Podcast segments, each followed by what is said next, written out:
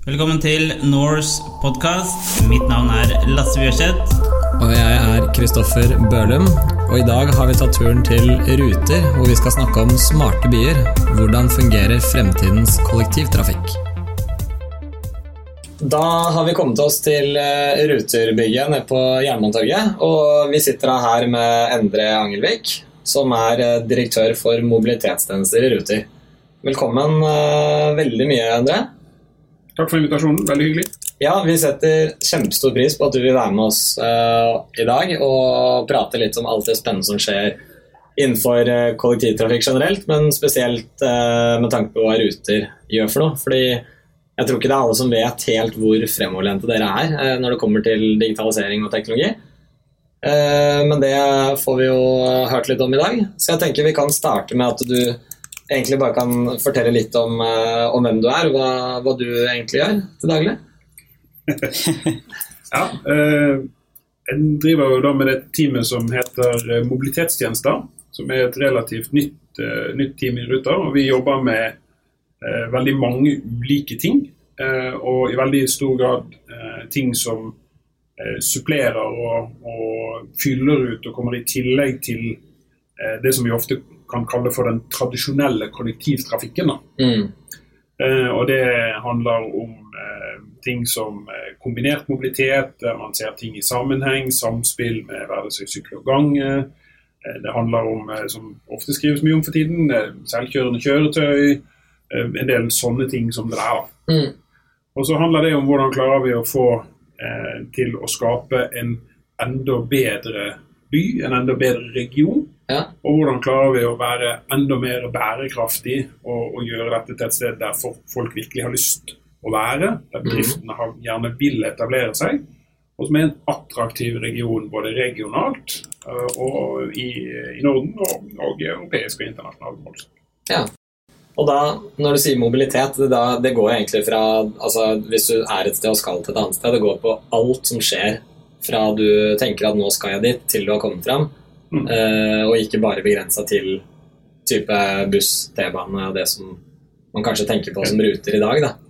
Helt riktig. Altså det som, vi har begynt å bruke et begrep som heter, eh, eller som jeg kaller for, eh, for bærekraftig bevegelsesfrihet. Mm. Eh, og Det handler jo egentlig om, om, bevegelsesfrihet, for de færreste reiser i hverdagen fordi at de ønsker å reise. Ja. Man reiser i hverdagen fordi at man skal noe annet. Mm. Du skal på jobb, eller du skal på fotballtrening, eller hente i barnehagen, eller besøke bestemor, eller handle, eller mange, mange, mange sånne ting.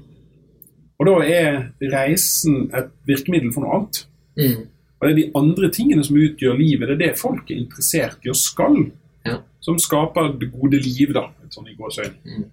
Um, og det er det vi omtaler som mobilitet, eller for å ta det enda hakket videre, da, bærekraftig eh, bevegelsesfrihet.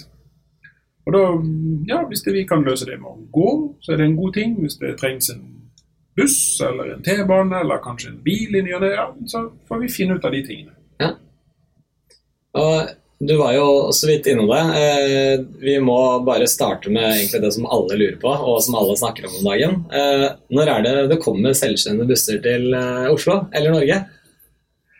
Ja, vi vet vel at nå at hvis jeg husker riktig, så er den første tillatelsen til utprøving på vei, ja. uh, den er nå gitt fra Eh, fra Vegdirektoratet. Eh, og det er gitt eh, i Stavanger til ja. Columbus og Forus PT, mm. som jobber sammen om en utprøving der. Ja. Så i norsk kontekst så all ære til de. De ja. første ute det er veldig bra. Flinke folk. er det rett rundt hjørnet, eller er det ja, Jeg har ikke detaljene på når de skal Nei. begynne å kjøre, men det, det regner jeg med ganske snart. Ja. Så holder vi på med noen, eh, noen, ting her, litt i samarbeid med noen andre partnere, som, eh, der vi skal se om vi kan få til noen ting. Eh, og så jobber jo vi i tillegg med, det, med selvkjøring i et litt sånn mer systemisk perspektiv. I den forstand hvordan kan vi etter hvert begynne å introdusere dette som en del av kollektivtilbudet.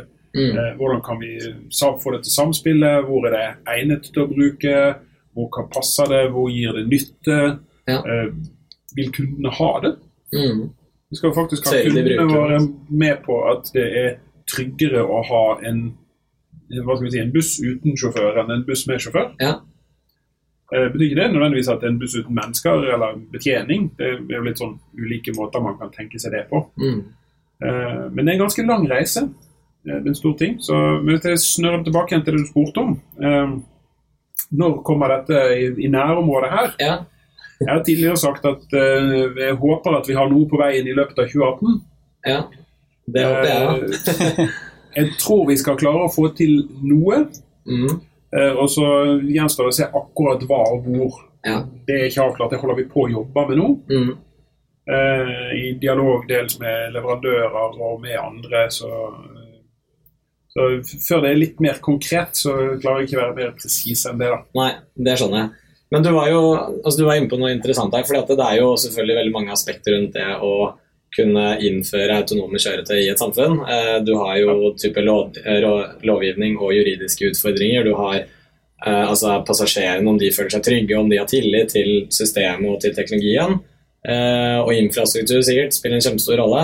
Hva er det som du føler at de, de største utfordringene dere i Ruter har nå, når dere forsøker å involvere dere inn i dette området her? Så den, den største utfordringen er veldig mye knyttet til hvor stor endring dette egentlig er, Mm. eller kan bli. Ja. Eh, og, og hva det kan gi oss av muligheter, samtidig som det er veldig nytt. Mm. veldig mye ukjent. eh, og, og veldig mye som trenger å utforskes. Og, og som jeg var inne på, ikke minst det å, å klare å, å få dette til å bli en, en god ting for kunden. Ja. Hvis ikke dette er en god ting for kundene, så blir det ikke. Vi har tidligere gjort noen eh, demonstrasjonskjøringer Mm. eh, med selvkjørende minibusser. Okay. Og de beste tilbakemeldingene vi får derfra fra kundene, tenker jeg, er de som sier at ja, dette var jo egentlig litt uh, kjedelig. Det var litt som å kjøre heis. ja.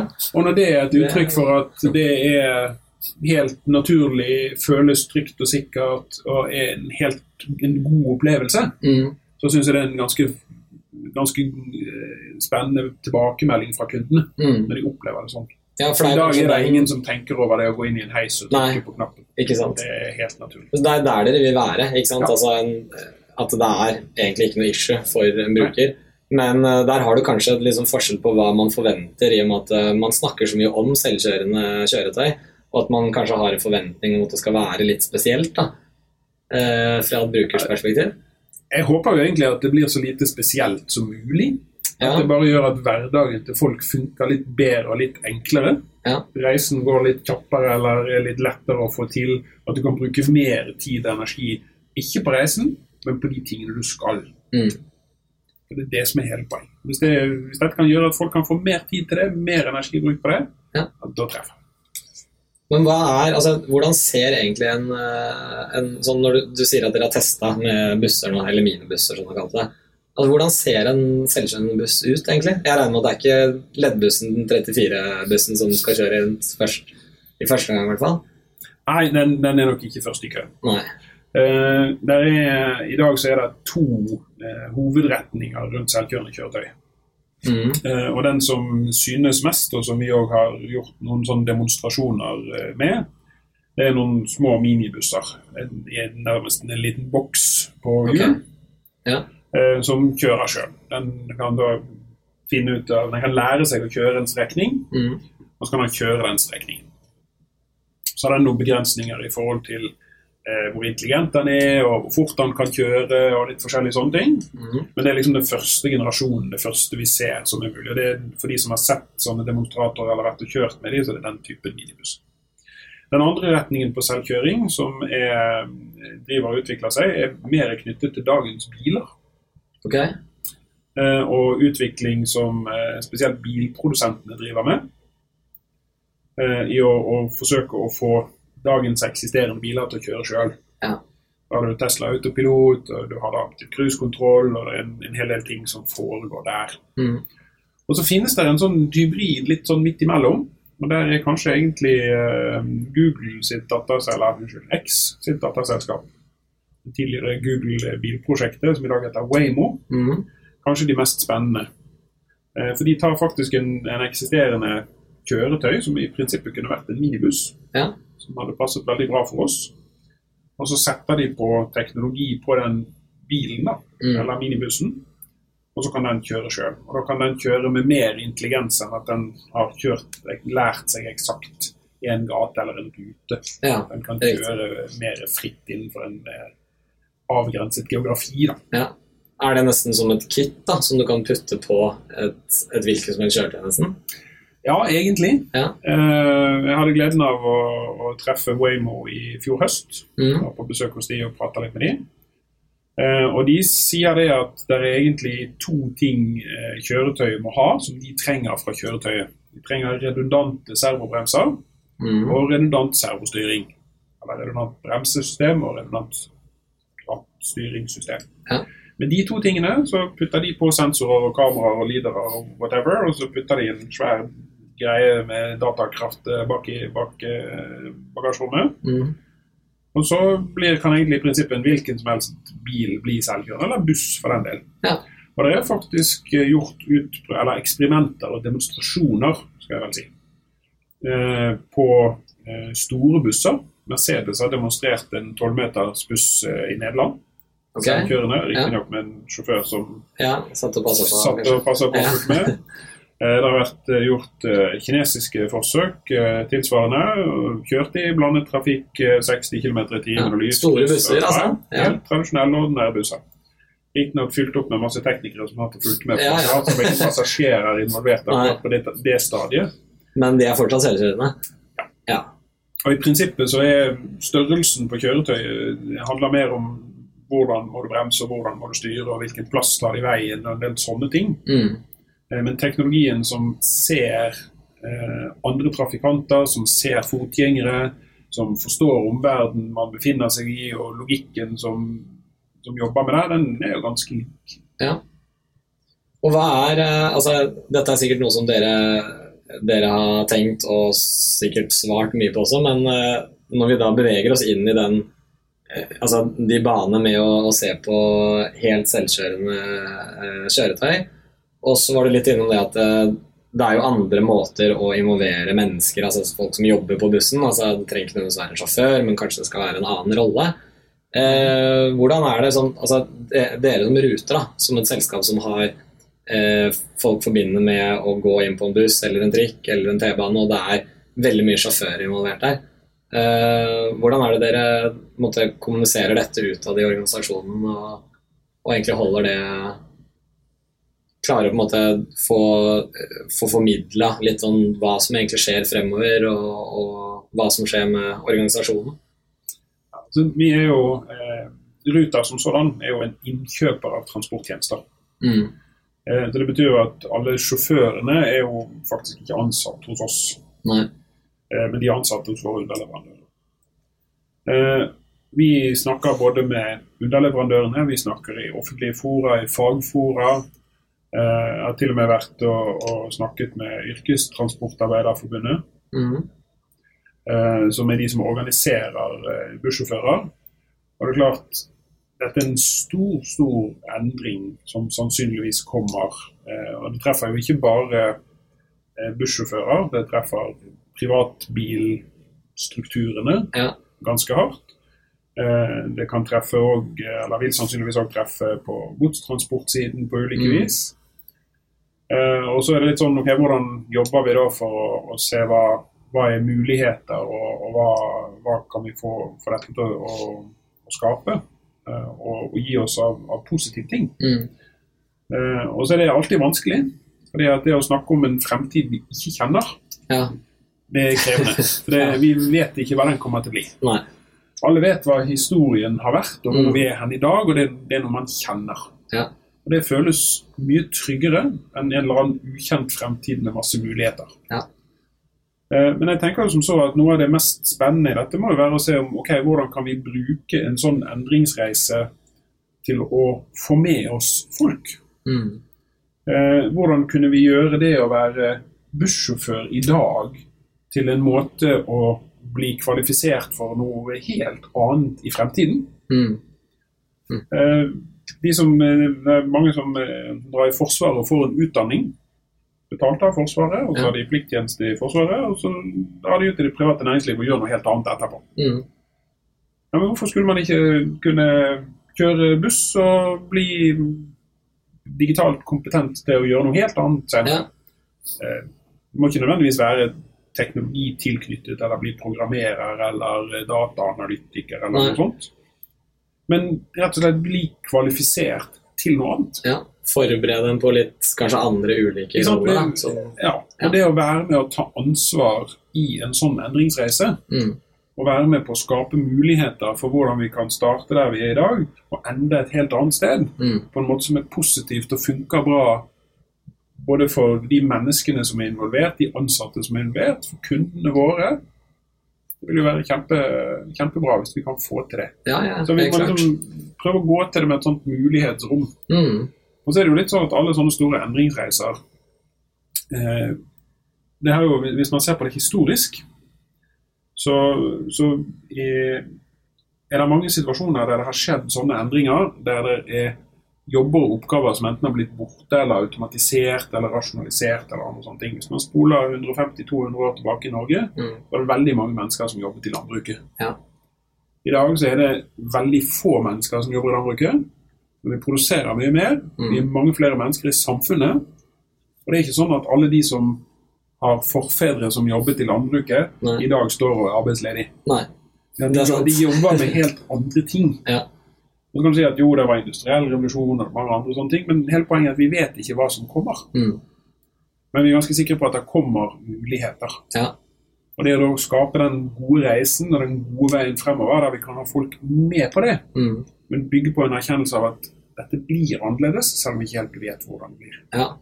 Og det må jo være utrolig spennende da, å jobbe med det tankesettet og være egentlig litt å være der dere er nå. Da, og, og ikke vite helt hva fremtiden bringer, men forsøke å finne ut av hvordan dere skal komme dit på best mulig måte.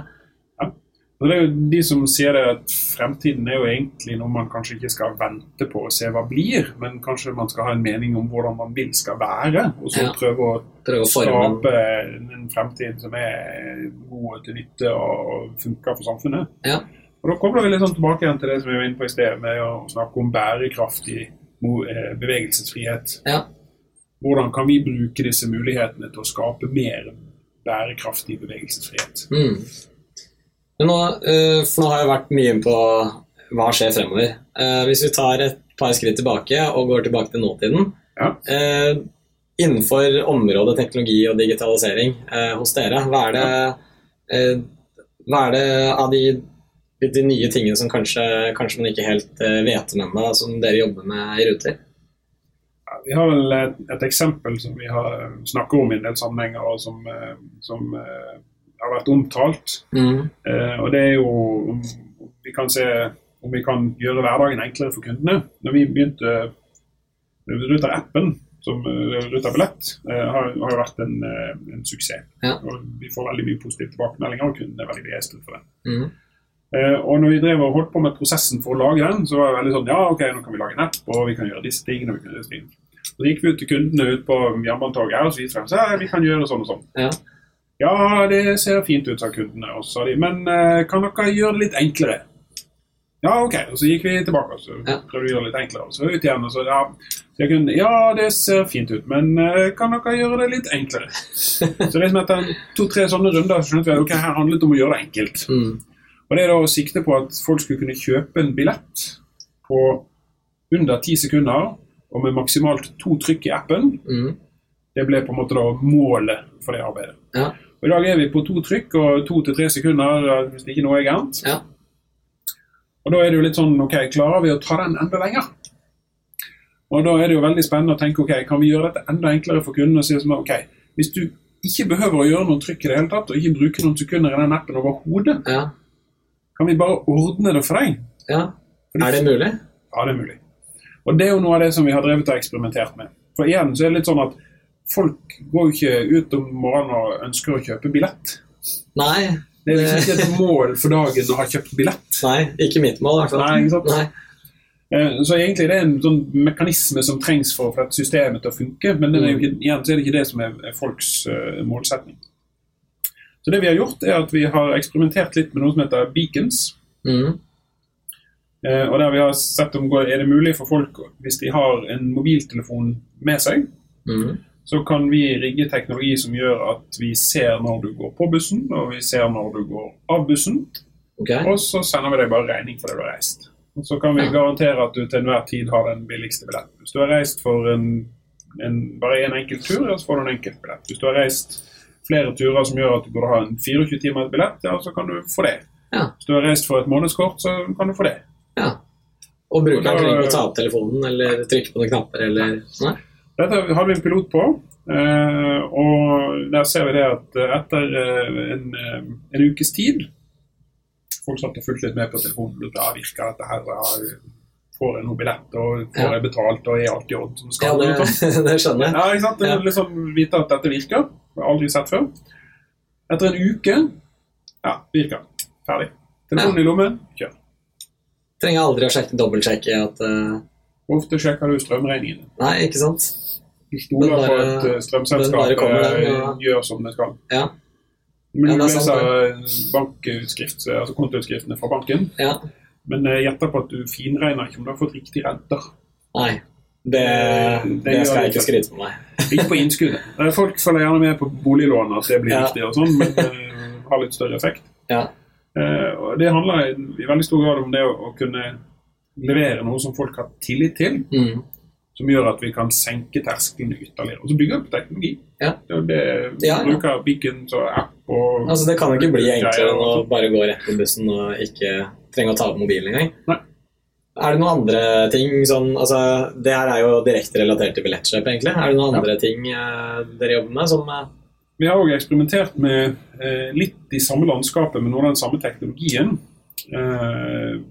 Eh, rundt eh, det som kalles, området som kalles for universell utforming.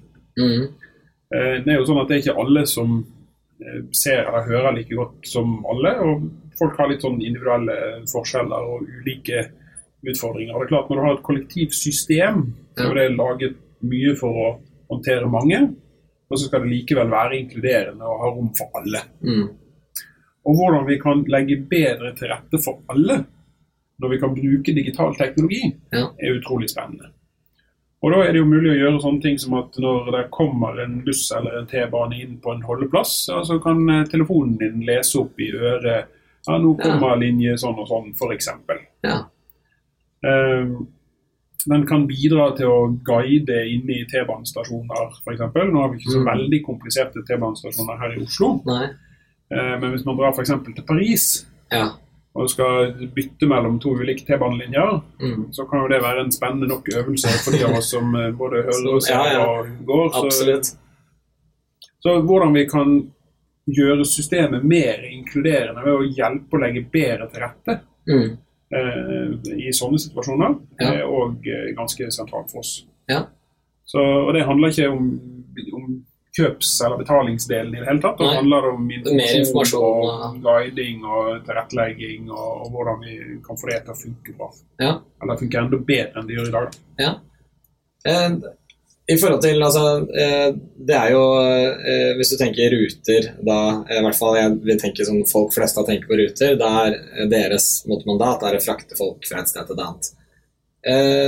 Men nå er det jo sånn man merker jo ofte i flere bransjer at teknologi det endrer gjerne litt på skilleveggene mellom ulike bransjer. litt sånn hvordan, eh, hvordan forretningsområdene kanskje utvikler seg. Er det noen andre sånn type tjenester eller produkter som egentlig ikke er relatert til deres kjernedrift, som dere kanskje ser et potensial sånn Jeg bare satt og tenkte på her om dagen at sånn si, Vi bruker kolonial.no hver Ja. uke. Eh, en, en sånn type Kunne man eksempel Hadde vært mulig å fått kolonial levert inn på bussen på vei hjem? Altså Er det noen sånne type ting som, som kan uh, merges da, for, liksom fra andre, helt andre forretningsområder?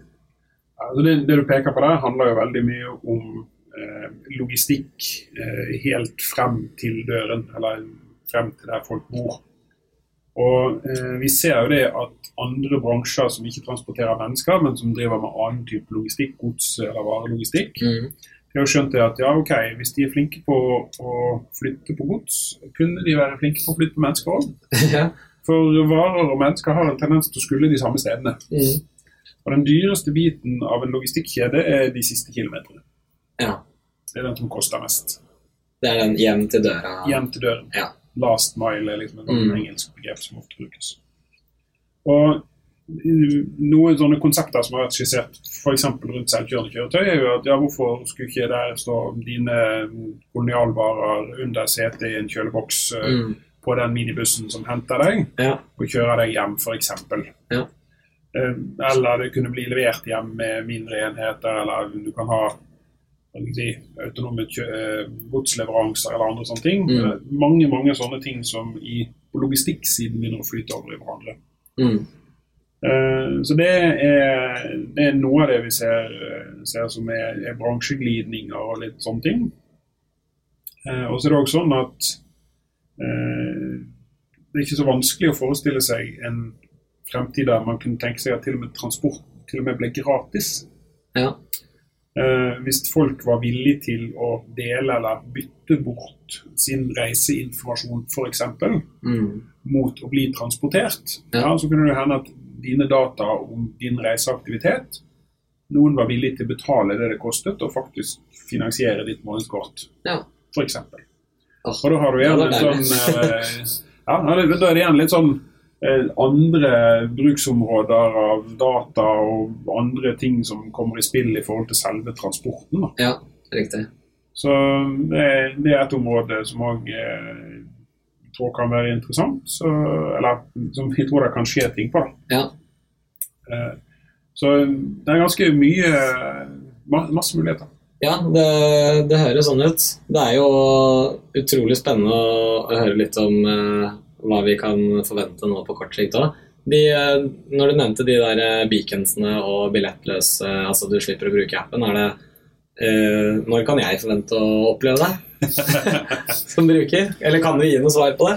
Nei, det, Jeg har faktisk Det- ikke noe tydelig svar på det akkurat nå. for det, som sa, vi, vi drev en utprøving og en pilotering. Ja. Og vi hadde en, en del gode erfaringer knyttet til hvordan brukerne opplevde det. Og så hadde vi noen andre erfaringer knyttet til deler av teknologirigg og litt sånn, og hva vi må jobbe med og sånn. Ja. Så har ikke jeg status akkurat nå på akkurat hvor alle de tingene er. Nei.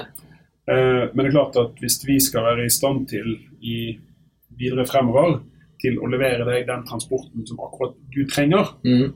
eh, så trenger vi til å bli, å bli flinkere til å både forstå og vite hvor er du, hva skal du, Ja. og hvordan skal vi faktisk hjelpe deg med det. Mm. Eh, og så betinger det at vi, at vi får til gode løsninger både på personvern og deling av informasjon og en del sånne ting. Mm. Eh, men jeg skulle gjerne sagt at vi kunne rullet ut Beacons til høsten, men eh, eh, Det er ikke så enkelt. jeg, jeg kan iallfall ikke si det nå. Nei. Så, så det litt sånn det å være tidlig Det som er veldig bra, er jo at vi, vi har jo god, god læring fra det. Og vi Mm. har demonstrert at dette faktisk er mulig. Ja.